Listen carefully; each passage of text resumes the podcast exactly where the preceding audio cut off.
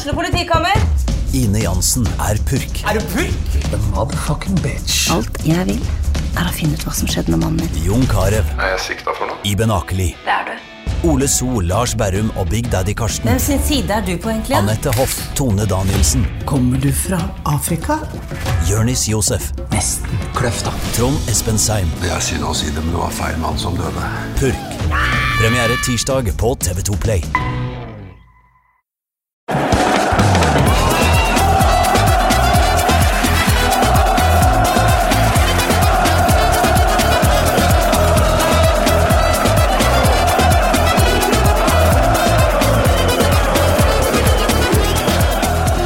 Det er seint i uka, men frykt ikke, Pyro og Pivo er tilbake med sin 23. episode. Da vi starta dette her for ca. et halvt år siden, så um, fant vi på et litt sånn uh, midlertidig slagord om at dette er fotballpodkasten for deg som liker Europaligaen bedre enn Champions League. Og så slo det meg her om dagen at vi snakker jo egentlig aldri om Europaligaen i denne podkasten, så dette er jo misvisende inntil i dag. I dag skal det nemlig handle om Europaligaen, og kun Europaligaen, så sant vi ikke sklir helt ut. Med meg i dag så har jeg Anders Hakstuen. Du driver bloggen Eventurer. Yes. Velkommen til deg. Takk, takk. Eh, Du er eh, faktisk en av mine favoritt-twitrere, fordi vi har eh, veldig eh, like interesser. Det er fotball og reise stort sett det handler om. Mm. Hvor er det råeste stedet du har vært på fotballkamp?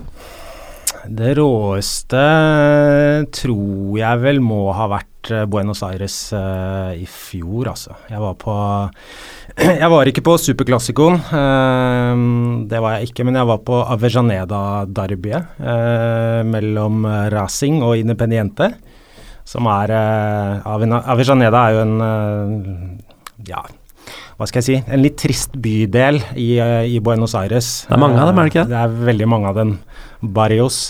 Eh, stadionene ligger jo 100 meter fra hverandre. Eh, og der var det da et derby. Det er jo Derby Vikens i Argentina. Oh. Eh, var der, fikk tak i billett. Eh, kom meg gjennom alle mulige sikkerhetskontroller eh, med politi og alt mulig. Ble kalt gringo av annenhver eh, Racing-supporter. Independiente-supporterne var jo bortvist, det var jo ikke lov der borte. Eh, kom meg inn på stadion, hadde store forventninger.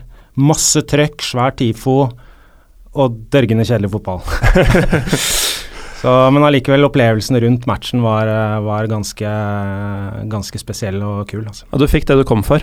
Jeg gjorde jo det. Jeg kom jo ikke egentlig for å se fotballen, selv om det var jo en, en, hadde jo vært en bonus hvis det var bra, bra kamp i tillegg. Men eh, det er liksom noe med den argentinske lidenskapen rundt fotball som, eh, som er veldig, veldig spesiell. Da.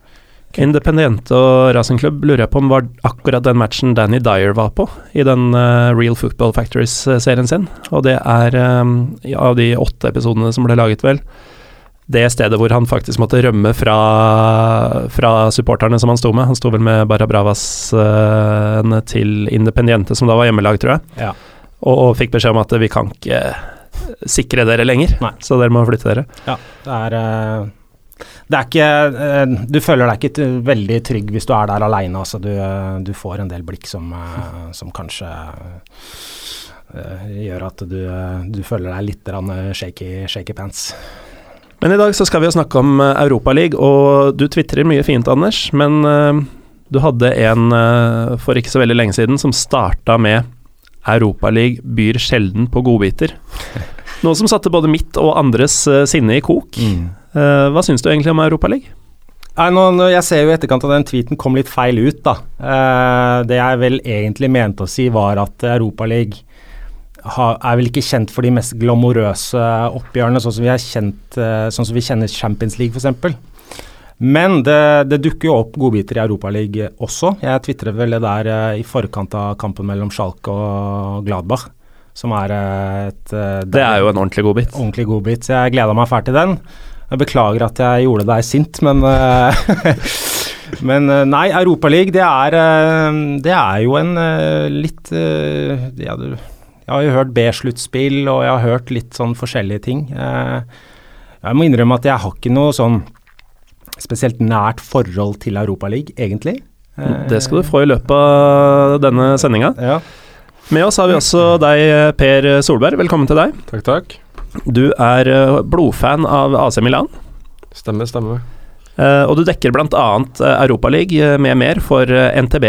Ja. Eh, Hva er ditt forhold til eh, denne kongens turnering? Nei, altså, jeg må jo ærlig innrømme at eh, det har jo vært en bakgårdsturnering i mitt hode i ganske mange år, men eh, som Milan-supporter så har det jo vært noen triste år, og nå er det jo plutselig blitt et mål å nå Europaligaen. Og de siste årene har man jo plukka opp et par perler også i Europaligaen. Vi har fått uh, Husker jo Dortmund-Liverpool som kanskje det, de feteste kampene de siste årene. Ja, det var jo helt uh, fantastisk. Ja. Og det var jo til og med på et uh, holdt på å si mainstream turiststadion i England, som, uh, som onde tunger kanskje ville kalt Anfield, så var det jo ordentlig god europacupstemning. Mm. Uh, og selvfølgelig også i Dortmund. Men eh, er det ikke det at det er litt sånn eh, Ja, sånn som Milan f.eks., at det nå er et slags mål å komme inn i Europaligaen.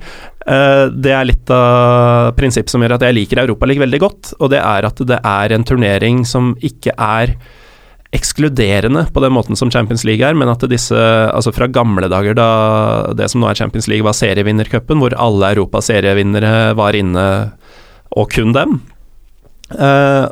Eh, dette gjør jo at eh, lag fra gamle dager, da uh, Staua Bucuresti, Dynamo Kiev, eh, eh, Porto De gjør jo de det skarpt for så vidt i Champions League år etter år, men eh, gamle travere i de gamle serievinnercupen og sånn, kan fortsatt ha et liv i Europa. Absolutt. Det er jo nydelig å se Dekka nylig FCK Ajax og få en liten dansk duell der med Dolberg på topp for eh, Ajax mot FCK. Få se liksom eh, gamle storheten Ajax, som har prega fotball-Europa så enormt at de eh, fortsatt eh, er med i ei stor turnering og preger den utover Champions League, der de er blitt en liten, liten klubb som ikke har noe der å gjøre. Ikke sant, og det er jo et eh, vesentlig poeng. I den forbindelse, vi har dessverre ikke noe pivo i dag, men eh, altså apropos mangel på godbiter, eh, Anders. Nå bør vel ikke kvartfinaletrekninga i Europa ligge på de helt store matchene, men en som eh, i hvert fall blir eh, antagelig ganske jevn og spennende i mine øyne, er jo Lyon mot uh, Besjiktas. Mm. I den forbindelse så har jeg vært på innvandrersjappa på hjørnet her og kjøpt eh, en tyrkisk spesialitet. Det er ikke alkohol i dette, men det føles sånn. Det, er, eh, det kalles sjalgam, og er en eh, fermentert eh, grønnsaksjus. Sterkt lilla i fargen, og sterk. Den kicker litt som eh, whisky. Og nå skal vi ta en slurk alle tre, og til dere lyttere som hørte forrige ukes episode, så drakk vi også en tyrkisk spesialitet som heter raku. Som eh, vi eh, ikke syns smakte all verden. ja. Faen. per, ditt uh, førsteinntrykk av uh, Nei, det luk sjalgam? lukter surt, smaker dårlig. Uh, og whiskysmaken Nei, whiskyfølelsen, den eh, sitter her, den også. Det, du har rett i det. Jeg, jeg føler meg litt snytt over at det ikke er alkohol i det. For det, det, her, det her var ikke godt, altså. Nei, men det, det er litt sånn uh, kunne hatt det med oppvarma i kollen og late som om du drakk deg dritings på det. Absolutt. Nei, ordentlig fæle greier. Um, men i hvert fall Dere må ikke drikke opp, altså.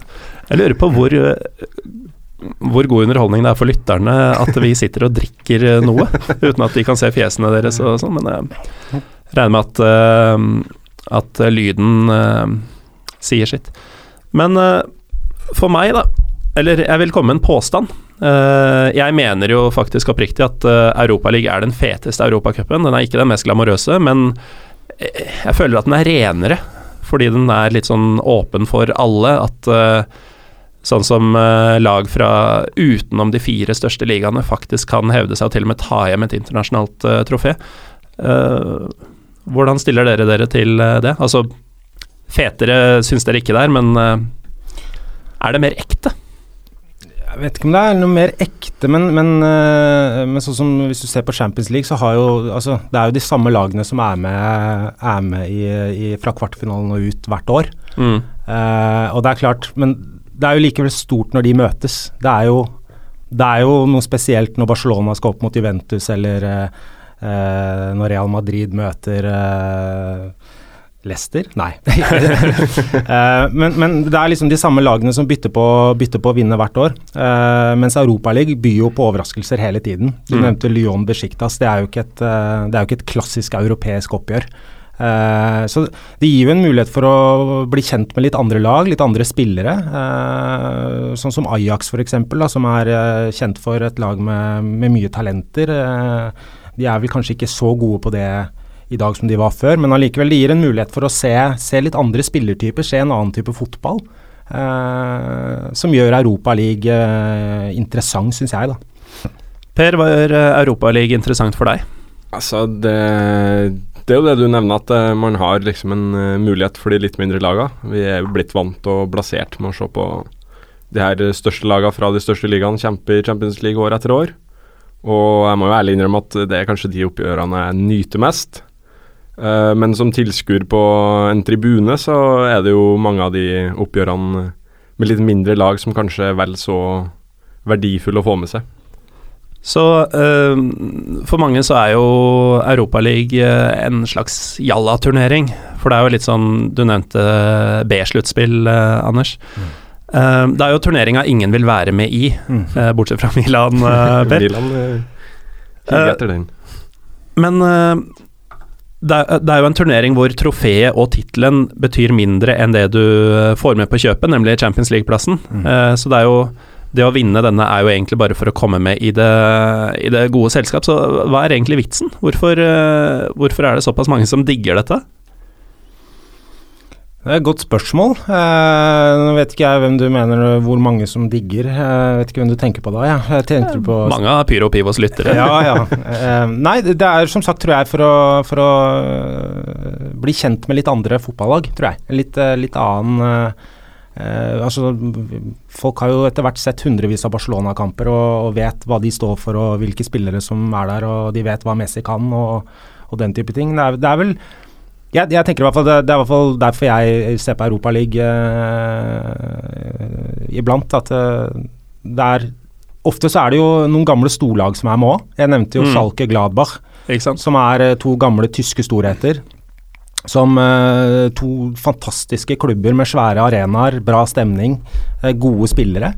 Og når de barker sammen, oppe attpåtil et derby, så, så gjør det Europaligaen interessant for meg, selv om det ikke er Dortmund eller Bayern München. Ikke sant. Men uh, det er jo også mindre glamorøse kamper enn det. Du um, har snekra sammen en liten liste, Anders, over um ja, jeg, jeg, jeg, dro fram noen utvalgte eksempler fra, fra innledende gruppespill, eh, hvor hvor du har, du har Karabag Liberets. Eh, AZ, eh, AZ er jo fra Nederland. De, de, spilte mot Dundalk. Apoel Astana, Osman Lispor mot Stoya og Pilsen, Pilsen eh, mot Astra. Og Det er jo ikke akkurat de oppgjørene folk flest benker seg ned for å se, eller valfarter til puben for å, for å nyte med en god halvliter. Så, men hver sin smak. Jeg, jeg merker at du uh, gjør min jobb som uh, europaligaforfekter uh, litt vanskeligere akkurat nå, men kan vi ikke ta ett og ett oppgjør, og skal, skal, vi prøve å finne noe fett med hvert og, en, hvert og ett av dem? Det er noen av dem vi skal slite med, tror jeg, men uh, vi gir det et forsøk. Ja, Apoel, Astana, Kypros. Varmt. Ja. Osman Lisbo, du er jo Tyrkia-fan. Ja, uh, um, Osman mot uh, hvem var det? Stoja Bucuresti, gammel ja. storlag. Det er jo gammel storlag. Og ikke minst uh, rumenerne som ble herja med av osmanerne uh, i mange hundre år, mm. møter et lag som har bytta navn til nettopp osmanersport.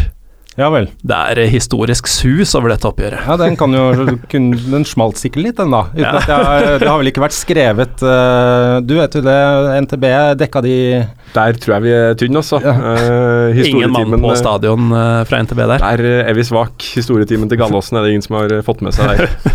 Men det kan jo faktisk være at i hvert fall i Romania, at den kampen hadde en viss symboleffekt, i hvert fall. Helt klart. Men at den favner det norske folk, er jeg ikke like sikker på. Nei. Det Jeg skal gi deg for den. Men uh, Karabag uh, Jeg er ikke helt sikker på hvor de er fra engang. Ja. Nei, men det vet de ikke selv heller. Nei, okay. Fordi uh, det er denne utbryterrepublikken mellom Armenia og uh, Aserbajdsjan, nemlig Naborno-Karabakh. der kommer jo dette Karabakh-laget fra. Okay. Eh, og det er jo fortsatt eh, Den striden har jo ikke blitt løst. Det er jo faktisk en våpenhvile fra 1994. Eh, sånn at eh, hva Nagorno-Karabakh er, er egentlig ikke bestemt. Om det er fra Aserbajdsjan eller Armenia. Mm. Men de går under den aserbajdsjanske kvoten når de er inne i Europa. Ja. Stemmer det? Men uh, det bor hovedsakelig armenere der. de, uh, nå har jo jeg vært i Armenia og ikke Aserbajdsjan, så jeg er jo automatisk på dem side. Men uh, de, de er armenere, de som bor der. Ja, de møtte Rosenborg i kvaliken for noen år tilbake, så mu- faktisk mulig jeg har sett Karabag live. Ja. Meget mulig. Ja.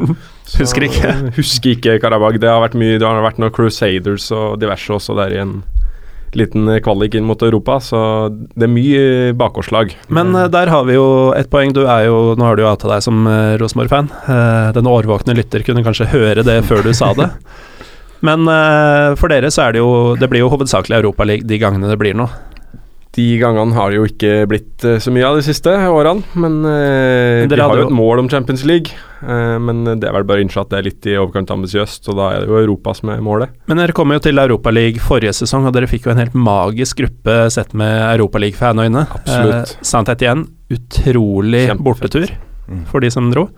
Lazio var vel med? Hyllest. Det er litt italiensk ball på norsk jord, det, det får vi altfor sjelden. Og så var det vel eh, Var det Dnipro som var det siste laget? Stemmer. Mm, De gikk jo helt til finalen var det året før.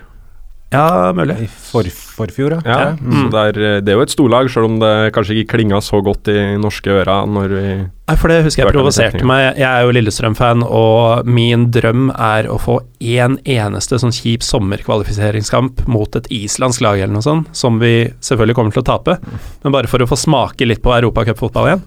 Og så husker jeg at det, dere fikk den utrolige trekninga sett med i hvert fall sånn supporterkulturøyne. Og så drev de og sutra over at ja, vi fikk ikke Tottenham eller Liverpool som vi hadde håpa på. Morsomt da at de samtidig sa men da har vi kanskje større sjanse til å gå videre.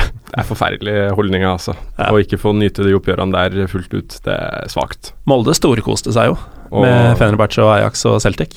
nydelig gruppe der òg. Å Mm. få Sevilla og faktisk slå Sevilla i løpet av den europaligaen der, det må jo ha vært eh, en opplevelse for hele Molde by.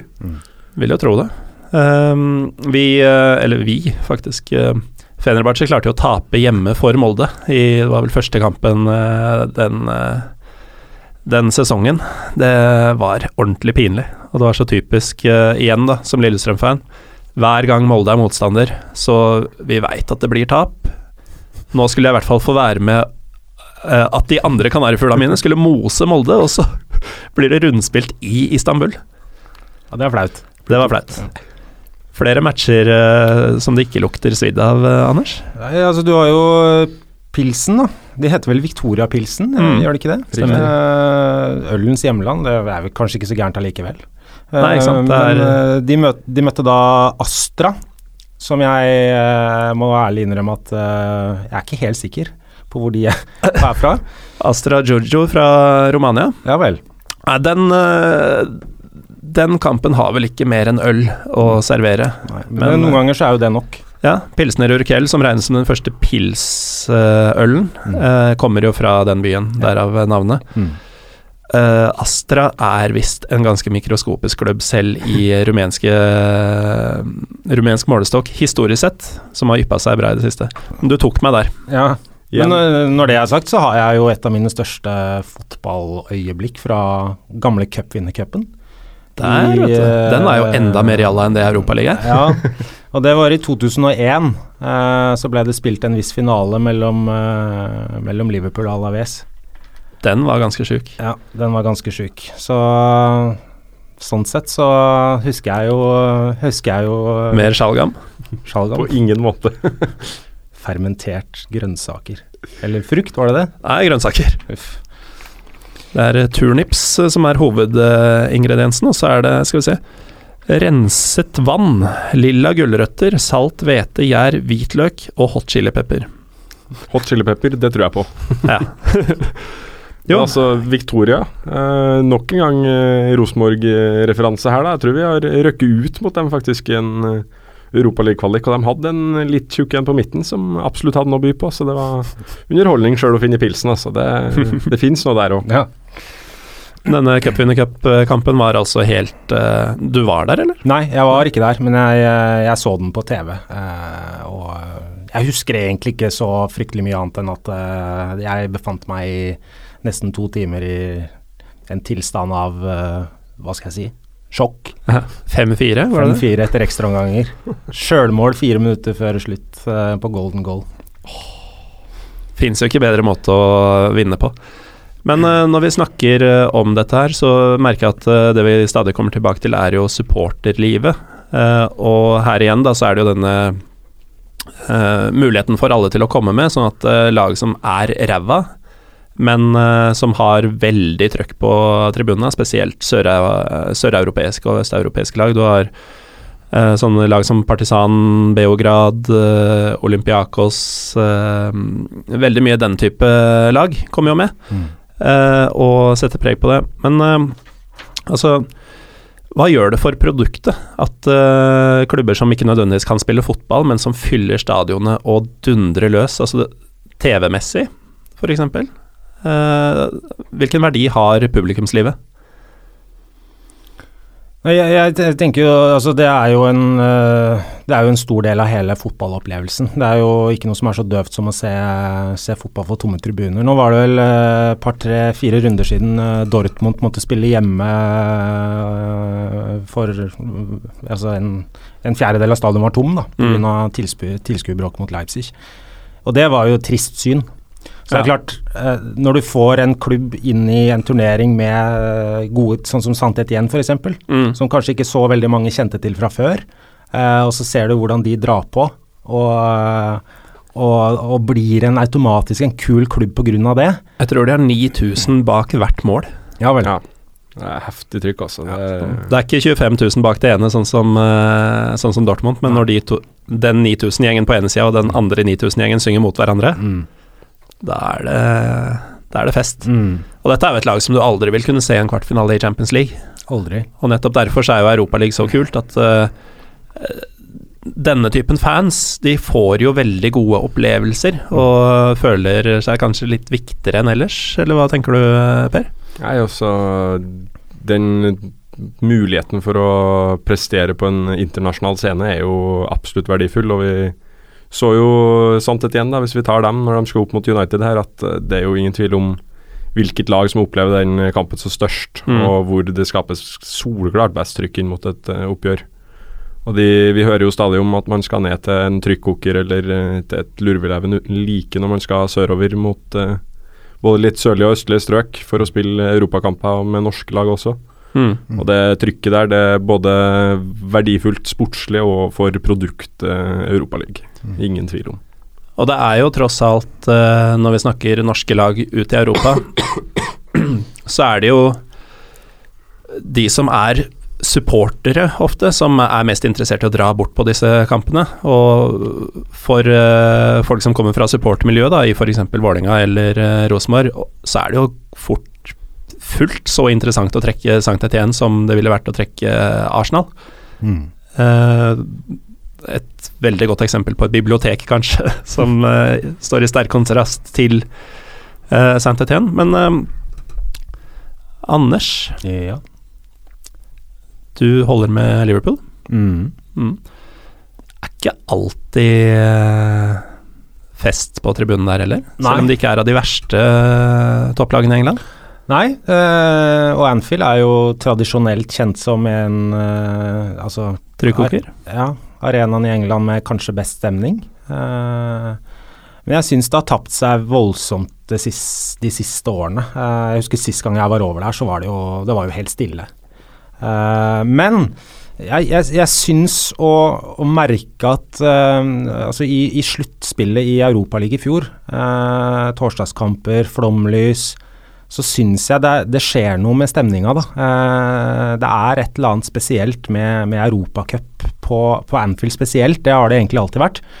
Men, men eh, jeg, jeg, jeg syns i hvert fall jeg hører det gjennom TV-apparatet at uh, da, da, smeller det bra. Mm. Eh, Og jeg har jo en liten teori på at eh, det skyldes at da er det faktisk flest flere engelskmenn på tribunen, ikke så mye ikke så mye skandinavere, eh, f.eks. Eh, såkalte turister da, som, som bidrar til at det, det trykker bra. Anders eh, Nei, eh, Per heter du. Arsenal-fan? Ja, ved, ved siden av. Mm.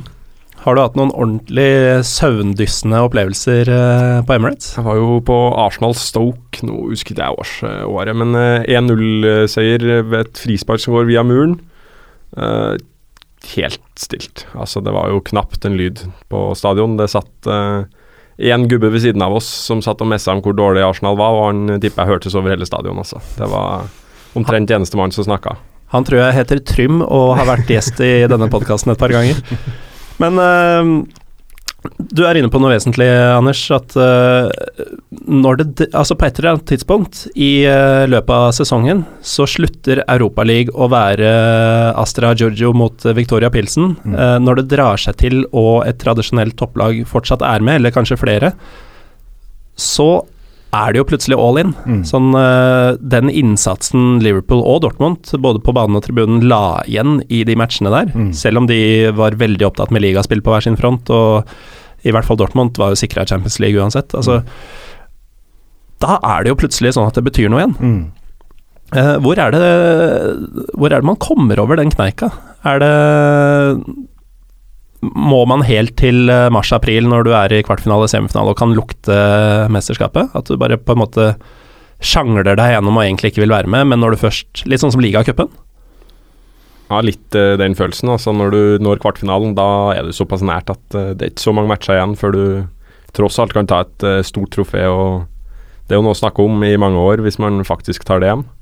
Og du får også noen motstandere som byr på litt motstand, og man får noen kule oppgjør også i Europaligaen. Mm. Der vi har fått uh, stadig flere store vinnere de siste årene. Vi har jo Porto, Atletico, Sevilla ikke minst, mm. som har plukka flere på rad. Uh, Chelsea tilbake i 2013. Altså man har uh, Ser jo det at for storlagene betyr det også mer og mer. Og det er også blitt en øvelse på å kanskje ta det høyeste nivået i Champions League. Vi så Atletico flere år på rad levere godt i Europaligaen før mm. de virkelig lyktes inn i Champions League også. At det er øving i internasjonalt uh, utslagsspill, uh, rett og slett? Kan godt tenkes. Du ser jo, ser jo Sevilla nå har tatt tre, tre Europaligaer på rad. Uh, nå røyk de riktignok for Leicester, da. de har ikke tatt treninga si til seg. Nei, men de kom seg i hvert fall videre fra gruppespillet. Mm. Så det handler litt om å bygge stein på stein. og og eh, når tiden er inne, så tar man kanskje steget opp på den store arenaen og, og hevder seg i Champions League, da. Ja, og nå er det jo helt innlysende at sånn som José, uh, José Mourinho, han skal jo vinne dette. Mm. Uh, og det har vel for så vidt kanskje vært planen hans hele tida, som en slags unntak der. Uh, har sett at gjennom ligaspill kan det bli vanskelig. Mm. Men det er jo sånn at disse lag fra mindre ligaer, eller sånn typisk femte-sjetteplasslag fra de større ligaene, Uh, har kommet langt, men når det kommer til stykket, så er det et ordentlig europeisk topplag som ender med å vinne det. Men uh, hva med litt mer uh, Å gå over til litt mer personlige historier? Altså Hvis man kan kalle det deres mest europaligaaktige opplevelse, en match dere har vært på, eller opplevelse dere har hatt som som enten har vært uh, overraskende positiv når du har forventa gråstein, eller uh, som bare har skilt seg ut fra ja, fra det du alltid ser. per? Nei, altså Nå er jo ikke jeg like bereist som det dere er på de store fotballscenene rundt om i mindre land, men uh, Du har jo bl.a. sett begge Madrid-lagene på hjemmebane? Det, det, har jeg. Uh, og Der har man jo uh, Atletico mot Valencia tilbake i 2012 eller 2011. Der fikk man litt den feelingen der. Det er et de aller største lagene, og i hvert fall ikke på det tidspunktet, så hang jo ikke Atletico med helt opp i toppen der. Men det trykket som var på Vicente Calderón, sammenligna med det vi fikk under Real Madrid Sporting Gijon to dager før, eh, det var noe helt annet, altså. Den eh, feelingen av å være på en stadion der det virkelig betyr noe, sjøl om det ikke er Real Madrid som står på motsatt banehalvdel, det, det, viser at eh, sjøl de litt mindre oppgjørene kan være uh, like gøy for en supporter. Ja, hva var eh, altså totalpakka? Du fikk se et Real Madrid som maltrakterte Hijon. 7-1 heftig oppgjør. Raoul med hat trick, så mm. det var jo gøy å få med seg den. Ja. Uh, Men men eh, totalpakka, hvilken var kulest når det kom det er jo ingen tvil om at det å se Ever Banega på Valencia der og få kosa seg med et tett oppgjør Atletico Valencia, det overgikk jo følelsen av å være på et eh, litt eh, stilt og tamt Bernabeu fullstendig. Ja, ja men det er, det er Europaliga-aktig. Eh, Feeling, i hvert fall. Men eh, vi nevnte innledningsvis, så brukte kanskje ikke nok eh, tid på det, men du er jo ordentlig Milan-fan, har vel vært på San Siro ganske mange ganger etter hvert? Er redaksjonssjef for Milan Norge, så blant de mest dedikerte i landet. Ja. Der har vi jo den kuleste matchen sånn ha vært på, det er jo Milan-Juventus. Å få 80 000 der med et trykk uten like, det, det er en voldsom følelse. Altså, å komme inn på San Siro der, det, det er så mektig som man får det. Og dette var på den tida hvor Milan kunne tukte Juventus? Ja, skal ikke overdrive, men eh, det var akkurat i den perioden Sedorf eh, så vidt var innom her. Ja. Så øh, vi var vel ikke helt oppi der, men akkurat i den perioden var det jo gode prestasjoner fra Milan. Og lå jo og kjempa opp mot Champions League-plass, i hvert fall. Eh, og det var jo et tett oppgjør, selv om Juventus tok det. Så er det alt fra du går av metroen Når du skal til San Siro, så er det en kilometer eller to og gå opp til stadion fra siste metrostopp. Og det å gå der med titusentalls andre og kjenne på følelsen før kamp. Kommer opp til stadion, så må du øh, gå lang omvei fordi Juventus-supporterne er bura inn, så det ikke skal bryte ut øh, bråk utafor stadion. Du skal gjennom øh, tre sikkerhetspassasjer før du får entra dørene på San Siro, så går du inn der og får inn noen Milan. Det er helt makeløst. Altså. Det er såpass opplegg rundt, altså. Det var et vanvittig opplegg rundt, for det var Det er krig der, når det virkelig smeller på. Og når du kommer inn og får høre papirbombene smelle Alle burde ta turen til Italia og få høre noen papirbomber på tribunen, altså. Det, Det det gir en ny at- feeling. Morsomt at du starta med å si at du ikke er like eh, fotballbereist som eh, oss to, for eh, jeg har faktisk aldri sett kamp i Spania eller Italia. Det burde jo oppleves, det også. Mm. Så får jeg ta turen til Tyrkia og andre mer grisgrendte vi får hjelpe hverandre. Yes. Anders, du eh, driver jo en reiseblogg. Mm. Her forventer jeg noe ordentlig Ja, jeg nevnte jo Avijaneda-derbyet, eh, men eh, jeg var på en Jeg var på en liten tur for meg sjøl her rett før jul. hvor jeg fant ut at jeg skulle fly ned til Düsseldorf og se hva som skjedde der. Og da fikk jeg med meg tre, tre relativt fine matcher. eh, men den, den kuleste av de, og en av de kuleste fotballopplevelsen jeg har hatt, var vel den mellom Köln og Leverkosen. Som er et Det er et derby, skikkelig derby. mm. Der er det Det er også krig. Ehm, tradisjonsrike Köln mot bedriftslaget Leverkosen. På en uh, rein Energy stadion som er veldig, veldig fin og intim. Eh, jeg fikk da plass rett ved bortefansen. Eh, satt på liksom borterst på langsida mot kortsida, der hvor bortefansen Ja. eh, sto. Og de holdt altså et voldsomt lurveleven gjennom hele matchen. Uh, matchen var uh, relativt uinteressant egentlig, endte 1-1. Så til slutt så, så endte det med at fansen begynte å, å synge til hverandre isteden. Uh, begynte med delvis oppskøne bevegelser. Eh, vaktene måtte roe oss ned, og jeg satt stille og forsto ikke hva som ble verken sunget eller sagt eller noen ting. Og til slutt så får jeg da et ølglass i pappen. Uh, Riktignok da sånn plast, plastglass, halvfullt. ja, men, men det er sånn hardplast. Hardplast. Det var jævla vondt, da. Ja. Eh, hvorpå jeg ser til høyre, og det står en eh, gutt på si 18-20 år og viser fingeren og hater meg og skal ta meg og sånn, og jeg, jeg måtte jo bare le av hele situasjonen. Det er jeg som turist i Tyskland, og så blir jeg hata av Leverkosen-fansen. Så, men jeg ble beskytta av liksom de andre av Köln-fansen som tok meg til seg og liksom eh, begynte å slenge dritt tilbake igjen og sånne ting. Så, så det var visst noe bråk etter matchen der. Uh, politiet stilte med hester og Jeg så de hadde tåregass i beltet, men uh, jeg, jeg kom meg helskinna ned til Köln sentrum og syntes det var en kul opplevelse. Ja, Tyskland er, er alltid kult. Og det å fly ned til Düsseldorf eller rundt i området der Vi hadde vel I episode to så handla det jo om uh, Ror-området eh, i stor grad, og da Det er så mange enten nåværende eller sovende kjemper eh, i veldig umiddelbar nærhet. Eh, selvfølgelig med tysk kollektivtrafikk. Drar du dit og blir i fire-fem dager, kan du se fire-fem kamper. Ja. Og ganske høyt nivå også. Ja, du, du får jo med deg kamper både i Bundesliga og i andre Mm. Dette heter vel Zweite Bundesliga på, på tysk. Eh, Du har jo Bochum eh, i nærheten der, som eh, visstnok er et veldig kult sted å se fotball. Det er det. Eh, Düsseldorf har jo lag i andre Bundesliga, Mm. med en enormt fin stadion. Det er i hvert fall på innsida. Ja, Ser ut som en varemesse fra utsida. ja, det gjør det. Så der er det Det anbefaler jeg alle, eh, å fly ned til Düsseldorf. Og da kommer du deg både til Dortmund og Gladbach og Gelsenkirchen og liksom Og er. Duisburg og Köln og Ikke minst. Ja, det er mye. Essen og Oberhausen også, for de som er ordentlig interessert. Ehm, jeg tenker vi må runde av. Ehm, takk til deg, Anders Akstun, og til deg, eh, Per Solberg, for at dere kom. Takk for oss. Takk for oss. Ja. Følg eh, gjerne bloggen til Anders. Den eh, heter Eventurer, og adressen er eventurer.no. Eh, jeg heter Morten Galaasen. Vi er Pyro Pivopod på Twitter og Instagram. Takk for at dere hørte på.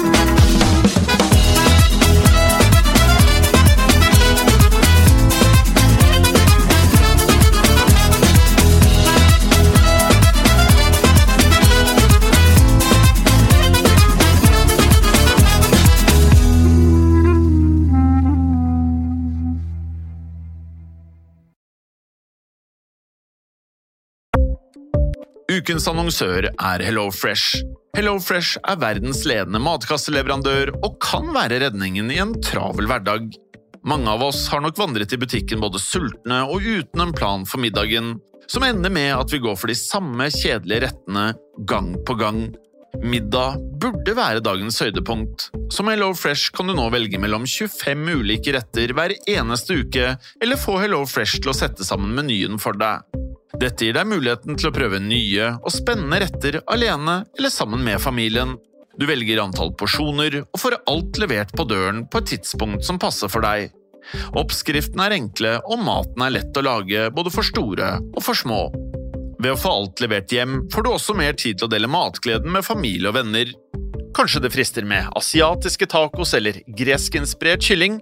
Da kan jeg anbefale deg om å gå inn på hellofresh.no. Her kan du bruke koden FOTBALL og få opptil 1779 kroner i rabatt på de første fem matkastene hvis du ikke har prøvd HelloFresh tidligere. Du kan også bruke rabatten hvis du har vært kunde og stoppet abonnementet ditt for tolv måneder siden eller lengre. Gå inn på hellofresh.no og bruk koden FOTBALL. Har du et enkeltpersonforetak eller en liten bedrift? Da er du sikkert lei av å høre meg snakke om hvor enkelt det er med kvitteringer og bilag i fiken, så vi eh, gir oss her, vi. Fordi vi liker enkelt. Fiken superenkelt regnskap.